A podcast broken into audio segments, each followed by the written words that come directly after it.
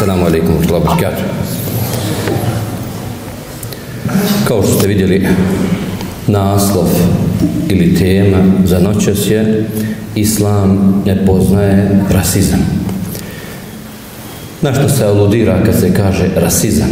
Na prvom mjestu to je da insan vidi onoga koji je druge boje kože da bude niži od njega odnosno da ga omalovažava i da mu ne daje pravo ko što je bijelac crnac ili kad se još spominje rasizam može se ispomenut uz put i to da nacionalizam ulazi u dijelu rasizma pa da se ljudi svađaju i raspravljaju oko nacionalizma i da govore taj ta nacija je vrednija, taj ta nacija je bolja, ovi drugi svi su robovi i tako dalje.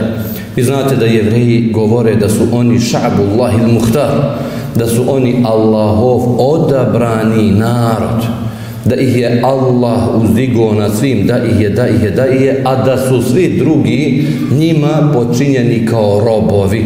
Znači, to je jedna vrsta rasizma, odnosno možda i čak najgora, da smatraju da su oni odabrani Allahov narod, kraljevi ove zemlje, a da su drugi svi robovi njima. To je suprotno onome što uzvišeni Allah subhanahu wa ta'ala traži.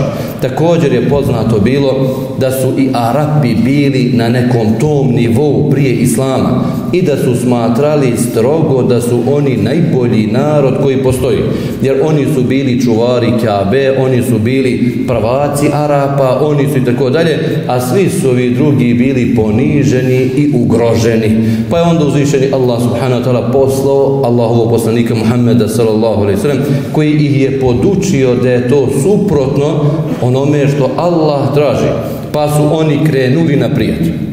Međutim, posljednjih godina, pa se kad kažem posljednjih godina, ovdje mogu da kažem posljednjih 50 i 100 godina, Arapi su se ponovo vratili tim istim putem ili tim istim stazama, pa su se izdijelili. Ne samo da su se izdijelili, što kažu Arab i ne Arab, nego su se izdijelili Arapi međusobno zbog države u koju pripadaju, ne znam ti zbog regije u kojoj se nalaze, pa su onda opet počeli da prave razliku među njima koji je bolji, koji je gori, koji su poniženi, koji su, pa možemo reći da ima dosta onih koji se čak i islama pridržavaju, ali gledaju svoju, svoju braću Arape iz neke druge države ili zemlje da su niže klasa, ne daje im se njihova prava, ugrožavaju i tako dalje. Ovdje kod nas također posebno možemo spomenuti nas ovdje na Balkanu ima više što kažu tih nacija pa jedan ne znam ti Bošnjak, drugi Albana, treći ne znam ti ovo, četvrti ono i onda ponovo se javlja to nešto kod emek ima neko ko je bolji, ko je gori. Opet suprotno Allahovoj subhanahu wa ta'ala subhanahu wa ta'ala vjeri. Allahov poslanik Muhammed sallallahu alaihi wa sallam odmah je to u početku svoje misije dokinuo ukazao je ljudima da su ljudi svi jedno i da su ljudi svi, svi isti. Kaže Allahov poslanik Muhammed sa o ljudi, pazite, o ljudi, nije kazao o vjernici, pa samo među muslimanima, nego će svim da dokaže, o ljudi, svi ste vi isti i svima vama je jedan jedini Bog. Otac vam je jedan, Adem, Znači, niko nema da od nekog drugog nastoji, jedino ko hoće da je od majmuna, eto mu ga. Uglavnom, osnova je da smo svi od jednog insana, odnosno od jednog, od jednog čovjeka. Kaže Darja Laopsi, nema prednost ili vrijednost Arab nad ne Arapom niti ima bijelac nad crncem, niti ima tih razlika koje treba da se da se prate, odnosno, odnosno da, se, da se gledaju. Vi se vrednujete po bogobojaznošću koju imate u vašim, u vašim srcima. Pa kaže Laopsnik, jesam li dostavio? Pa ljudi rekoše, dostavio si. Pa ljudi rekoše, dostavio si. Znači, osnova u islamu jeste da su svi ljudi podjednaki i da su svi ljudi, svi ljudi isti. Uzvišeni Allah subhanahu wa ta'ala kaže, Ja ejuhan nas, inna khalaqnakum min zekerin wa untha. O ljudi mi smo vas stvorili od muškarca i od žene. Wa ja'alnakum shu'uban wa qaba'ila li ta'arafu pa smo vas onda učinili da budete narodi i plemena.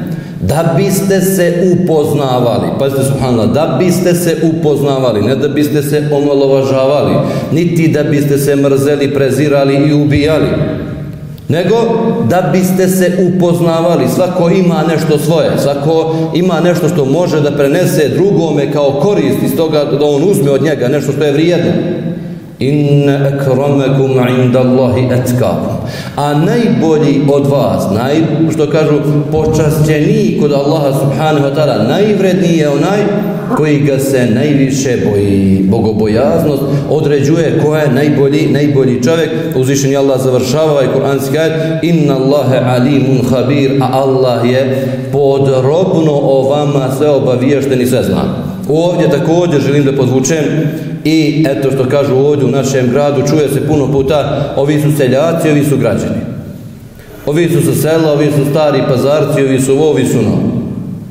Inna akramakum inda Allahi etkakum.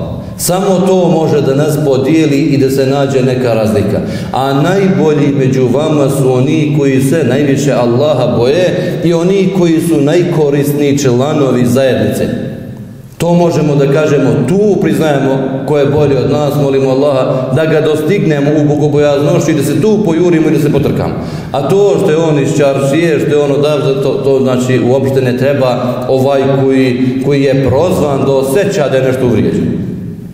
Ja lično se nikad ne, ne nađem u nekom zove, nek radi šta će, čaršijski seljački, ja, ja sam seljak šta, a ti će mi nešto do sad, ne znam šta će mi ti to nešto učiniti, što mi reći da sam seljak i tako dalje. Znači da takav princip treba čovjek da se osjeća, a ne da mu bude teško dok mu neko pomenu, on se e, ne proziva i ne smije, ne znam ti vi iz Paralova, iz Muri, to neko s tim, to je zamaranje, znači treba da raščistiš za sobom, da pručiš, evo zubila mi će tamo da živim, ne mogu da verujem, na da nas jedan. I da čovjek nastavi dalje. Mi imamo naše zlatno pravilo, najbolji je onaj koji se Allah subhanahu wa ta'ala najviše, najviše boji. Pazite, ovaj kuranski ajet u suri Huđurat. Sura Huđurat, kažu islamu šešenjaci, ona je sura gdje uzvišeni Allah subhanahu wa ta'ala pojašnjava mnogo bitnih propisa mnogo bitnih propisa u njoj. Kažu sura ahlaka, sura lijepog ponašanja, sura obhođenja među ljudima, kako treba. Pa onda na samom startu uzvišeni Allah s.w.t. spominje kako ljudi treba da se obhode prema Muhammedu sa sebe. Ali sve to ide o vjernici. Ne dozivajte Allahov poslanik ko što dozivate jedni druge. O vjernici, kad vam grešnik donese neku vijest, proverite. O vjernici, o vjernici. A kad dolazi ovaj kuranski ajet, da pojasni da, si, da su svi ljudi isti, ne kaže o vjernici, znajte da su svi ljudi isti. Nego o ljudi, neka vam to bude svima zajedno. Obraćanje, ne samo vjernicima nego ja ejuhen nas, o ljudi, mi smo vas stvorili sve od jednog insana, iz istog ste izvora, nema razlike i nemoj neko da pokušava da pravi razliku, da to što iz neke države ili pripada toj naciji, to je znači nebitno i to ne smije insan da, da prihvati ili da nasijeda na te fore i da se nakon toga, nakon toga ljudi. U pitanje Allahov poslanik Muhammed s.a.v. O Allahov poslaniće, ko je najbolji insan ili najvredniji insan? Pa reče Allahov poslanik Muhammed s.a.v. najvredniji insan je onaj koji se Allaha najviše boji. Kažu Allah poslanik, nismo to tome pitali. Kaže, hoćete li da vam kažem, onda počinje Allah poslanik sam.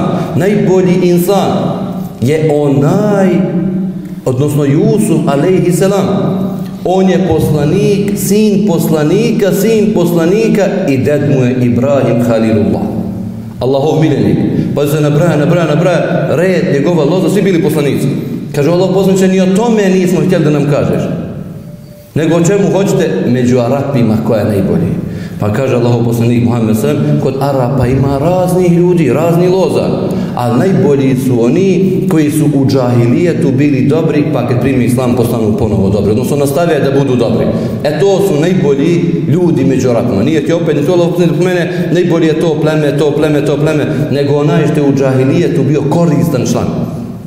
Pa džahilijet, je bio koristan, napajao ljude, pomagao sirotinju. Još primi islam pa nastavi to i pojača taj svoj human, humanitarni ili dobrotvorni rad za Allahovu subhanu ta'ala vjeru i pomaže ljudima, kaže Allahov poslanik, taj je najbolji, najbolji među, među njima.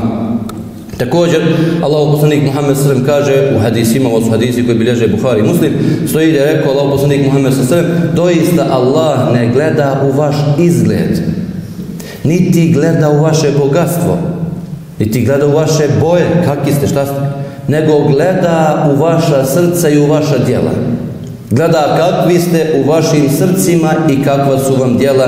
To je ono po čemu se vrednujete kod Allaha subhanahu, subhanahu wa ta'ala. Također stoji da je Ebu Zeru, Allahov poslanik Muhammed s.a.v. rekao Ebu Zerre, pogledaj, doista ti nisi bolji ni od crvenog. Ovo crveni spominje se da smo mi ti crveni u odnosu na Arape. Arapi imaju posebnu svoju boju. Negdje stoji da su ovi crveni kinezi, negdje stoji da su žuta rasa kinezi, a da su crveni persijanci. Međutim, kad se spominje ovo Ahmer, kod većini slamičnjaka, kažu ovo se odnosi za sve ove faktički bijele, ne govori se bijeli ljudi, kod Arapa ne kaže se Ebjed, nego kažu Ahmer, to je Ahmer, sve ovo vamo, znači Persija, Vizantija i tako dalje, što je nekad bilo. Ahmer, niti si bolji od crvenog, niti si bolji od crnog. Ta razlika je samo u bogobojaznošći. Spominje se da je Ebu Zer napravio jednu veliku grešku, ashab, drug Allahov poslanika, kad je uvrijedio Bilala radijallahu anhu. Bilal je bio crnac, ali poseban Allahov rob. Pa se navodi da je Ebu Zer jednom prilikom sedeo među ljude, među te velike ashabe. Međutim, spomenuo je neku vojnu taktiku, pa su mu se ljudi malo nasmijali. Pa su rekli, ta taktika nije dobra. Nije to ono što nam sad treba, nasmijaš se ljudi. Među njima je bio i Bilal, pa se i Bilal nasmio o tome što je rekao je Buzer. Pazite, mnogo puta se dešava i nama. Nešto lupimo sami, pa kad se neko ne smije, tebi krivo. Šta ti je krivo? Pusti se. Molim Allah da mi prosti što sam lupio, druga stvar, Allah prostio i vama što se nasmijali, nemoj se ljuti za te stvari, ne treba čovjek se ljuti. Pa ste Buzer je tad osjetio, a što ti Bilale, pa ti si crnac, rob obični koji je oslobođen, koji, pa mu je rekao, pa zar i ti sine crnkinje, da mi se smiješ, a ja sam Ebu Zer, a Ebu Zer je bio plemić, velikan među rapima. Pa, Ebu, pa je Bilal pričuteo i otišao Allahom poslaniku. I kaže, Allahom poslaniće, rekao mi je to i to je Buzer.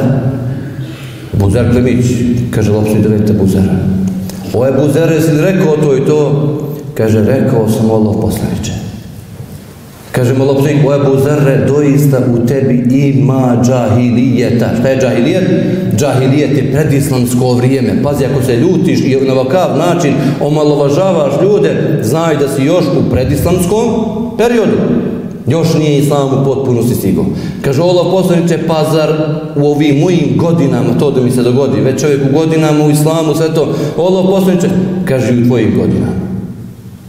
Pa je otišao je Buzer, pa je našao Bilala, pa je pustio Buzer svoje lice na zemlju i kaže Bilalu, gazi me tom crnom nogom dok mi ne isteraš džahilijet.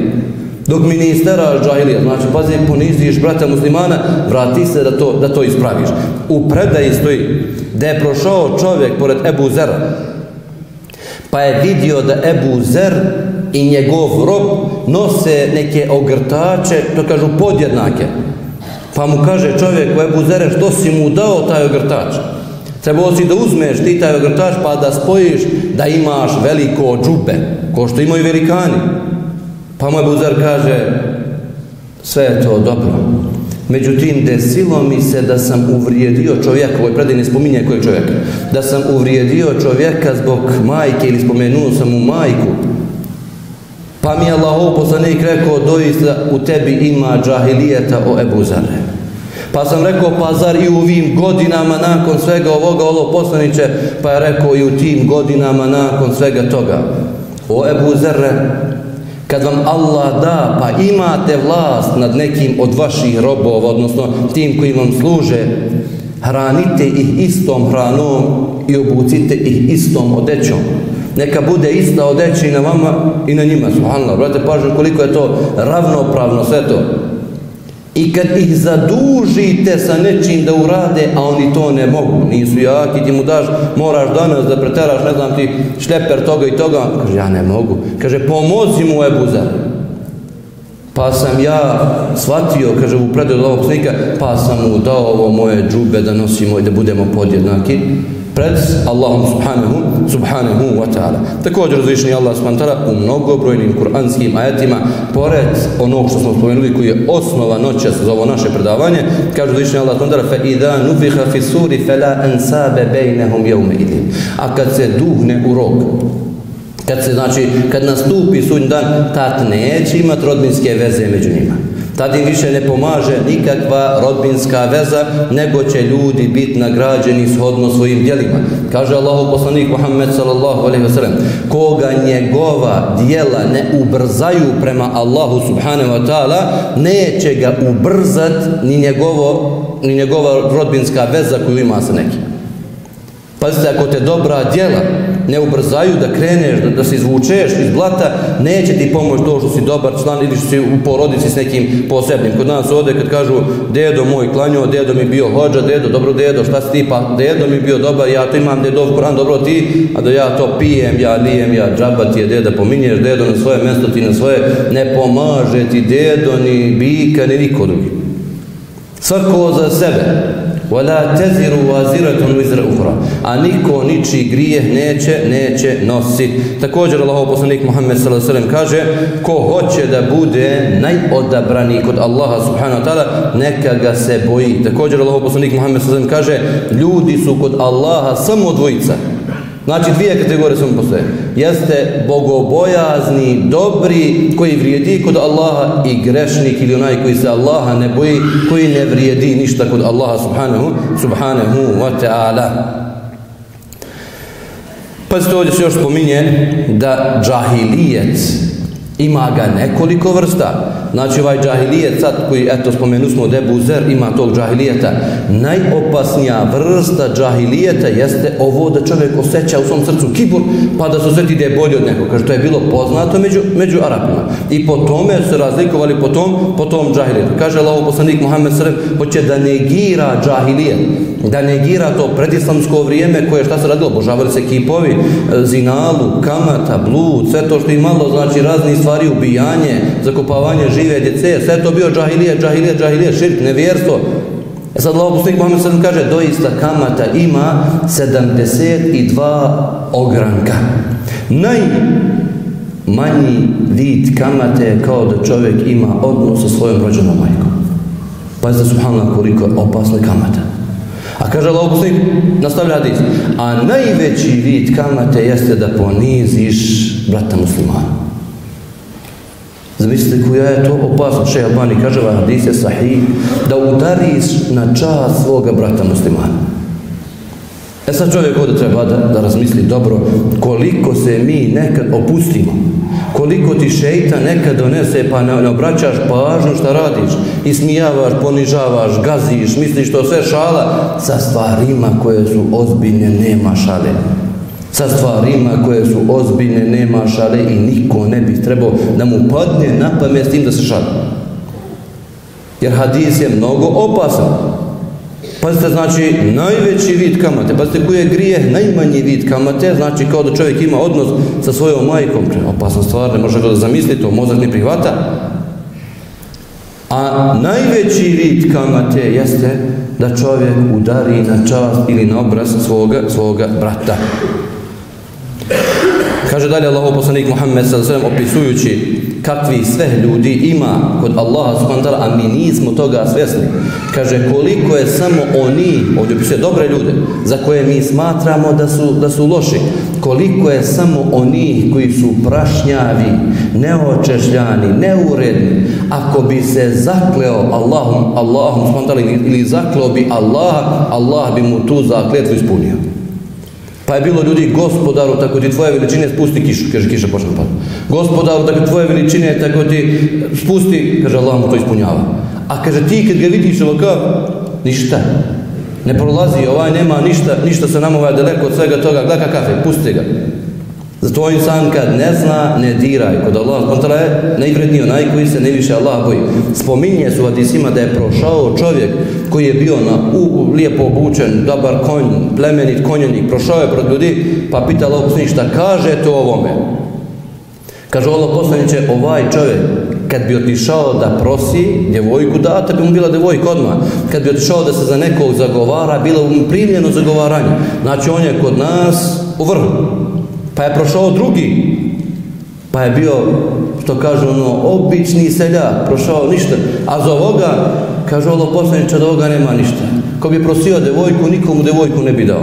Ko bi otišao da se zagovara, niko njegovo zagovaranje primio. Kaže, između njih je kao između nebesa i zemlje. Ovaj drugi je kod Allaha prihvaćen, ovaj prvi nije. Ovaj drugi je kod Allaha subhanahu wa ta'ala ugledan, čestit, velikan, a ovaj prvi od njega nemate, njega nemate ništa. Spominje Abdullah ibn Omer, hoće da ukaže ko je ušao sa poslanikom u Kaabu onog dana kad je osvojena Meka. Pazite, ko je ušao? Rušao u Nije. Rušao Omer? Nije. Je ušao Alija? Nije. Ko je ušao? Kažu, ušao je Zaid, njegov posvinak, odnosno kad sliješ čutu priču o Zaidu, ušao je Bilal i ušao je Osman ibn Talha do koga su bili ključevi Kabe. Njih trojica samo. Pa što i prvi dvojica gledano, nikakav ugled nemaju kad je njihovo porijeklo pitanje.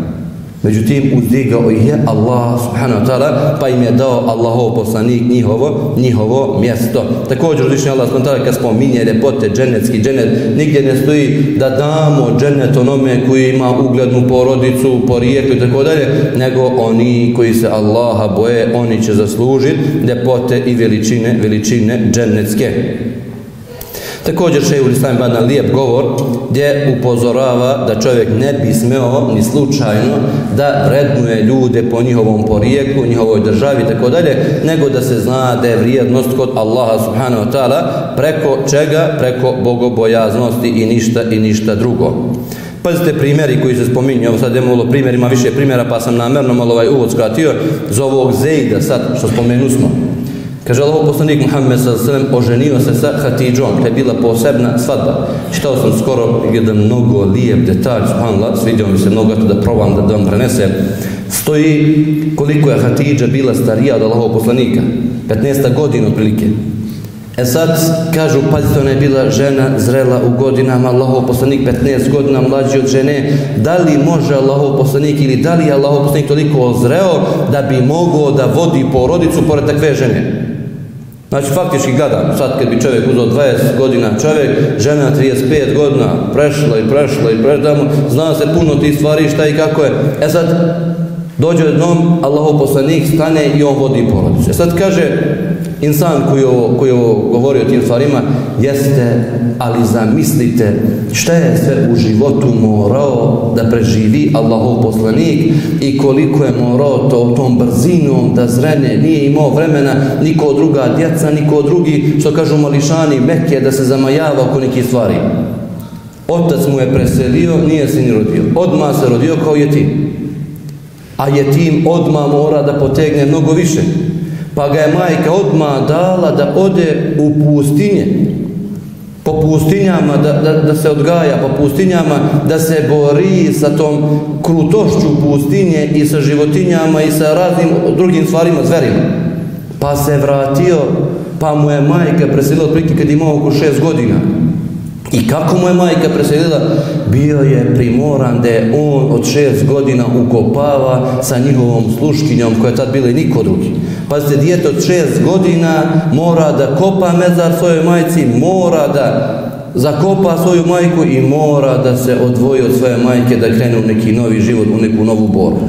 Pa ga uzima Amidža, odnosno djet tad, pa do osme godine, devete tu, det, i on odlazi s ovoga svijeta. Pa ga uzima Amidža, koji je bio siromašan pa nije mogao da ga izdržava, pa ga uzima lopsnik već od 12 godina kreće putovanja, kreće iz Saudijske Arabije na nogama ili na kamilama do Šama po hiljadu i nešto kilometara, pa Jemen, pa razne stvari druge, pa čuva ljudima ovce, sve to, pa nakon toga šta je još doživeo Allahov poslanik, kaže, prezeo je bio za njegove godine ne da je zreo i da je mogao da vodi, nego prezreo zbog ti, ti svih iskušenja koje mu uzvišni Allah smantara dao. I onda spominje da je Hatidža htjela da ga obraduje. Preselila su mu muška djeca Allahom poslaniku Muhammedu s.a.v. Nije imao u tom periodu muško dijete i onda kaže njegova žena Hatidža htjela je da ga obraduje. Otišla je da kupi faktički e, roba koji će biti uz Muhameda 24 sata. Pa je gledala da mu kupi roba koji je mlađi kao dijete da mu bude. Pa je dovela ovog Zejda u kuću, pa ga je primio Allah poslanik Muhammed sallam, čak su ga dugo vremena zvali Zejd posinak Muhammedov sallallahu sallam. Međutim, Allah je to prekinuo nakon toga.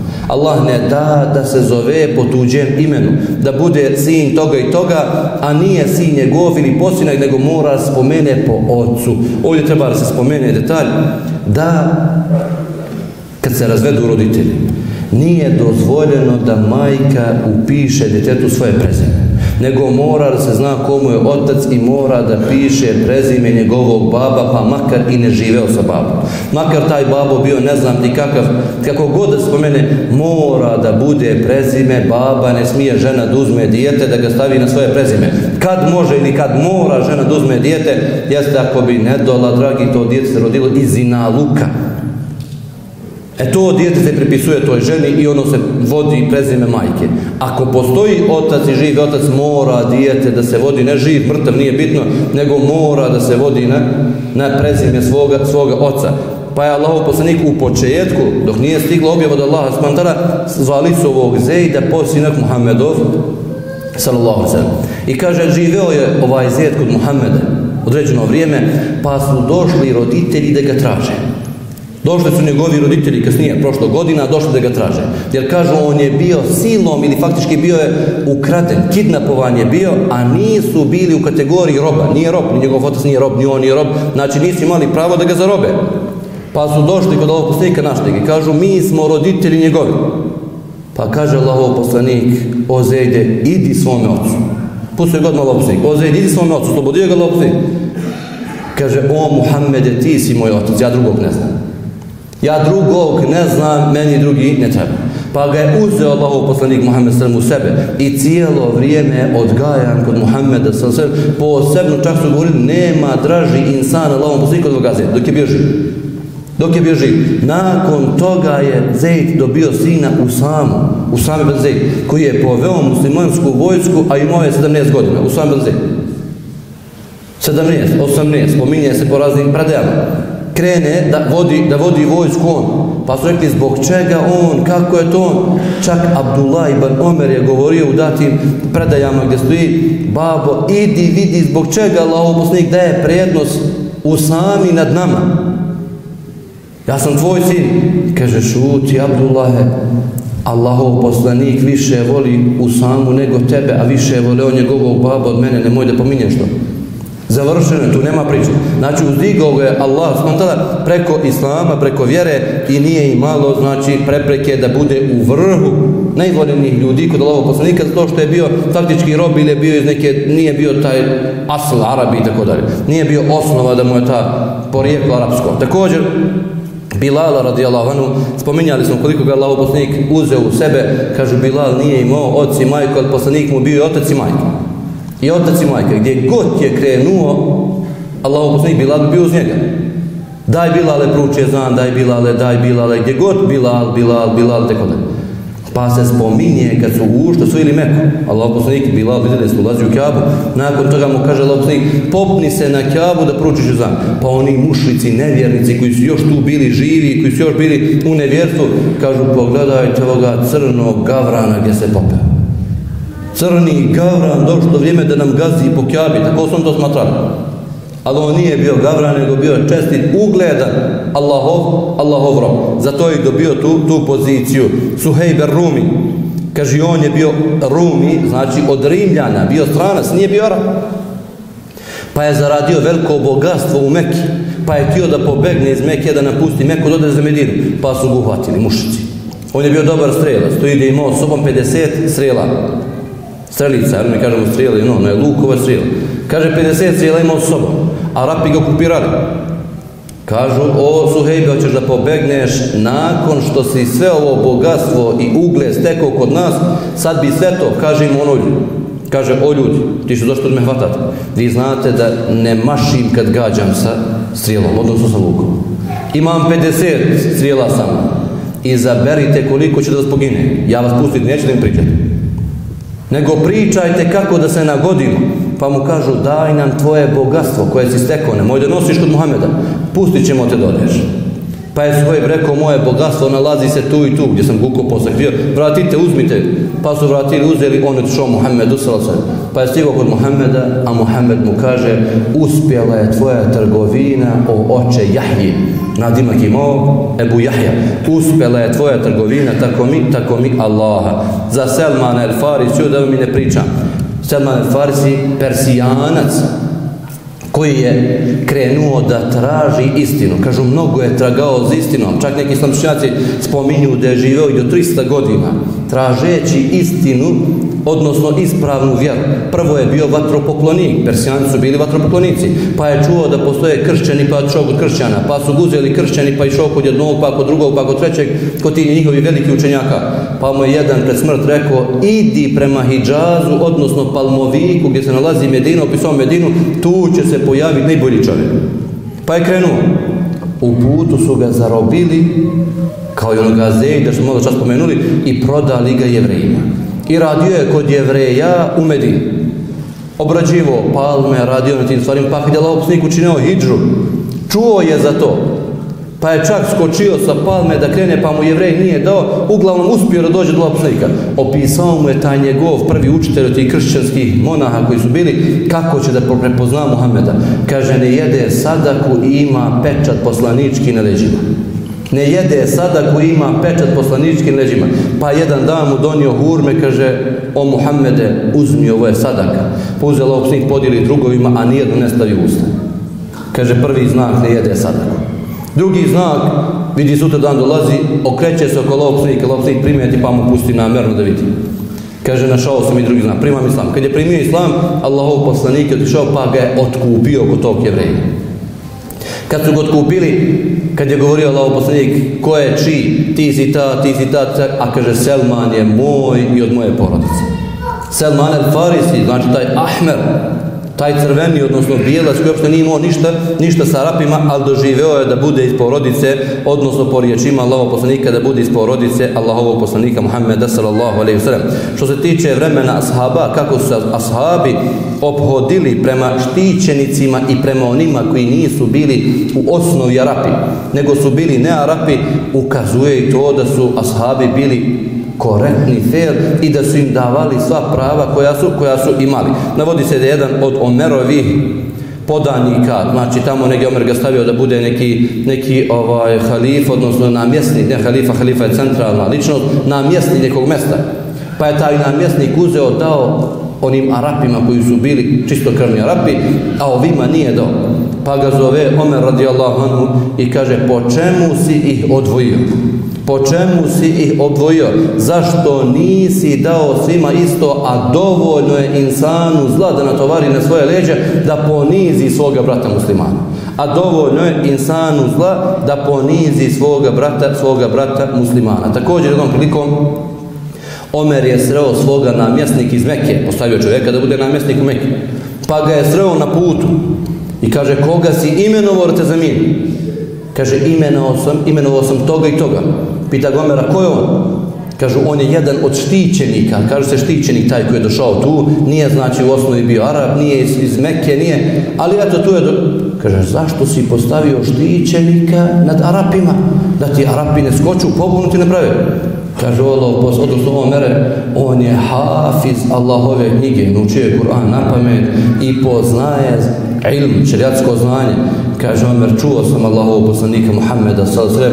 kad je rekao doista uzvišeni Allah preko Kur'ana uzdiže i spušta ljude preko Kur'ana uzdiže i spušta ljude. Pa onaj koji se prihvati Kur'ana, nauči ga, Allah ga uzdigne. A onaj koji obstavi Kur'an i okrene leđa, Allah ga ponizi. I ušu te Omer, odnosno prihvatio je, šta se, šta se dogodilo. Ata bin Ebi Rebah, jedan veliki alim, jedan veliki alim koji je u Mekki živeo, koji je u Mekki boravio, koji je preuzeo znanje od Abdullah ibn Abbasa, koji je, pazite, kažu, ko je bio on, također nije bio u osnovi Arab, nego je bio insan koji je bio od štićenika.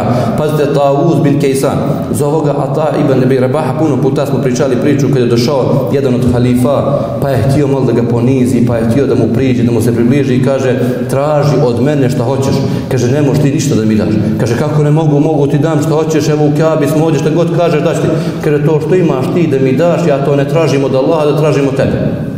A ovo je Allahova kuća. Mene bi bilo stid, pored toga što sam Allahov rob u Allahovoj kući, sred Kabe, da tražim od tebe to što imaš ti da mi daš. Ja to od Allaha ne tražim, znači dunjaluk ne tražim nikako. To ovo što meni treba ti ne možda mi daš. Pa se halifa čak i ne ljutio na njega.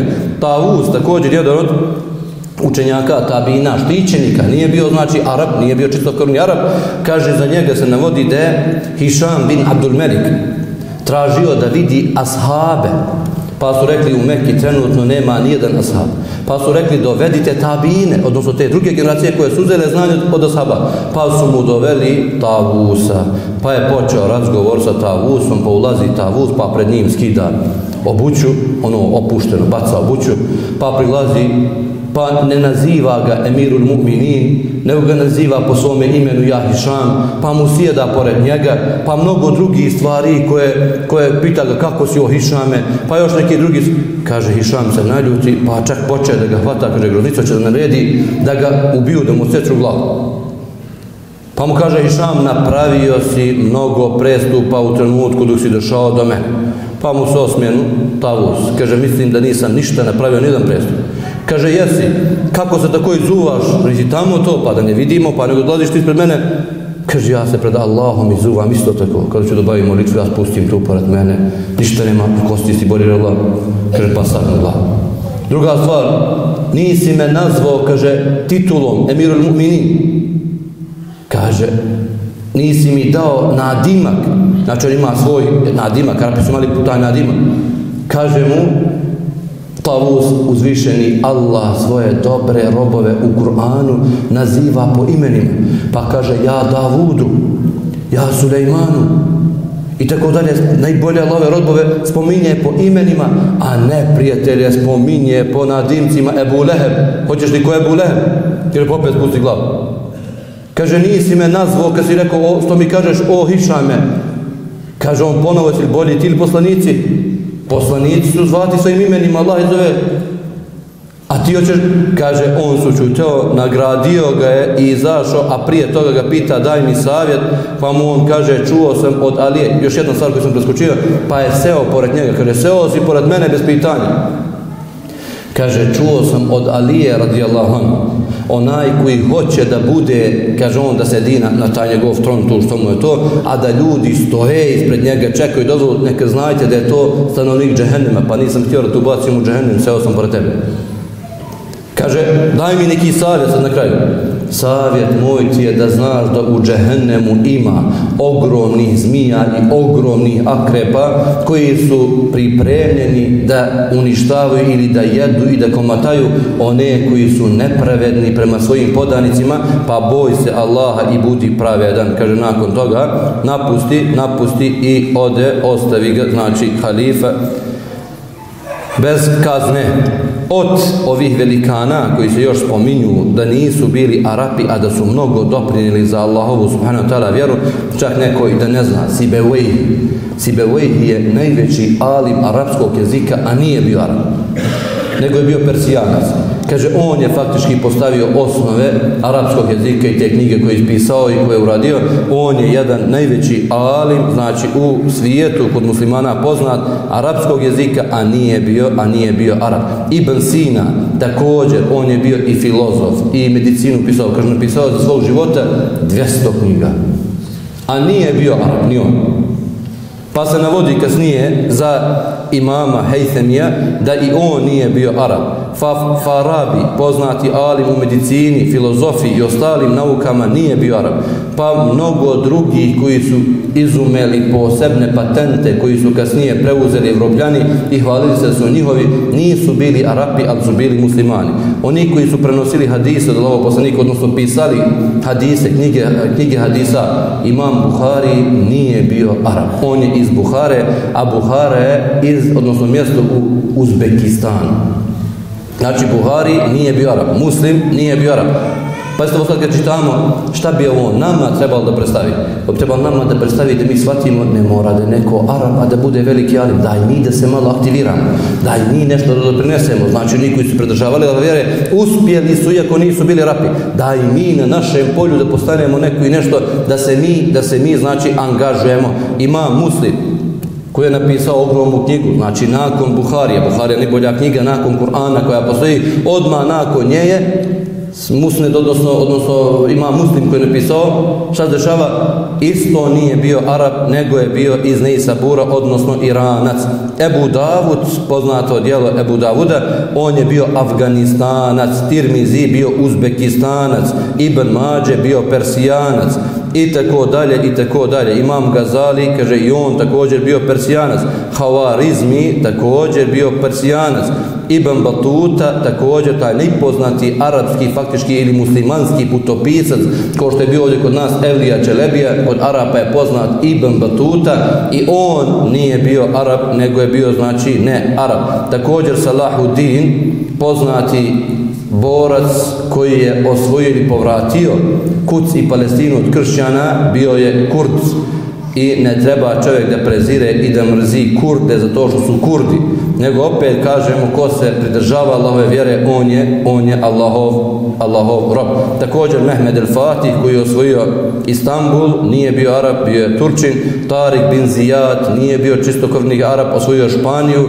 Sve to ukazuje da kod muslimana jedina prava vaga kako insan treba da se ponaša i kako treba da se vrednuje. Jeste inne akramakum inda Allahi etkakum etkakum a najbolji kod Allaha subhanahu wa ta'ala je onaj koji ga se najviše najviše boji ovdje završavamo molimo Allah gospodara svjetova da nam podari da vidimo, da nam prikaže istinu istinom i da je slijedimo, da nam prikaže neistinu neistinom i da se klonimo neistine. Amin. Ja rabbel alamin.